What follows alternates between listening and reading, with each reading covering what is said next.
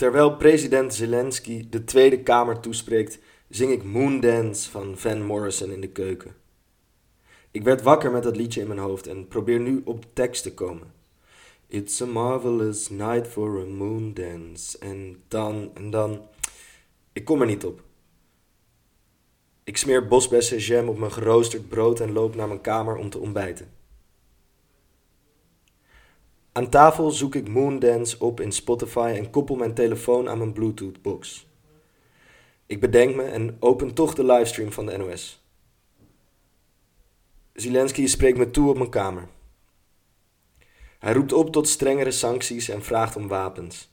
Hij verwijst naar de Nederlandse geschiedenis. De Tweede Wereldoorlog, MH17 en de verdrijving van de Spanjaarden uit Den Briel, 450 jaar geleden. Dat wist ik niet eens, dat Nederland de tirannie verdreef, morgen, precies 450 jaar geleden. Heb ik dat geleerd op school? Ben ik dat vergeten? Hoe weet Zelensky dat nou weer? Ja, hij heeft het opgezocht, natuurlijk, of zijn team. En hij kan zijn toespraak doen omdat hij hem voorleest van de autocue. Zouden wij in de toekomst allemaal een autocue op onze Google Glasses hebben?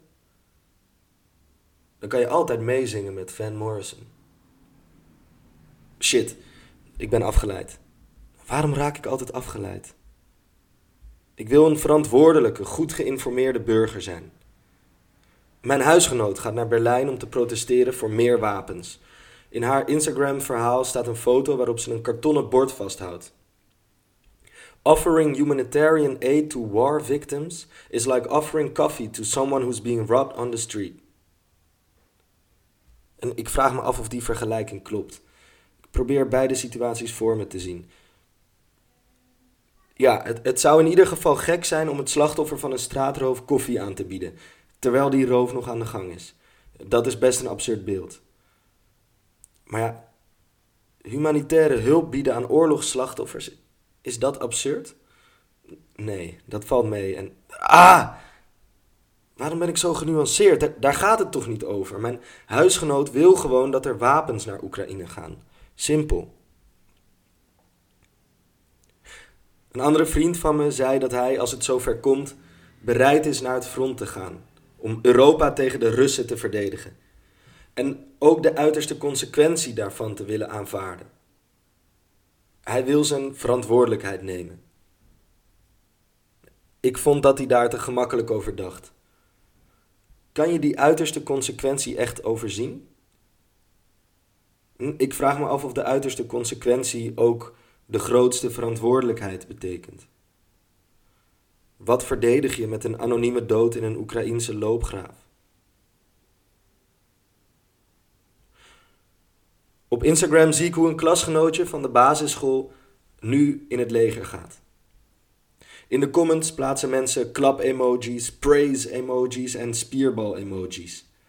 En als mensen letters gebruiken, dan schrijven ze voornamelijk drie dingen: soldier, strijder of in hoofdletters soldaat. Een paar dagen later plaatst hij een video in zijn story waar hij in slow motion een kogel uit een automatisch geweer schiet. En ik schrik als de kogel uit de loop komt. Dat ging best wel gemakkelijk. Ik zou nooit naar het front gaan, zeg ik tegen mijn vriend. Ik denk dat ik beter op een andere manier mijn verantwoordelijkheid kan nemen. En de volgende dag pak ik met mijn huisgenoten oude kleren, potten en pannen in voor Oekraïne. Eh, dit was nog voordat mijn huisgenoot zich realiseerde dat wat we eigenlijk aan het doen waren hetzelfde was als een aanhangwagen vol koffie naar Oekraïne brengen.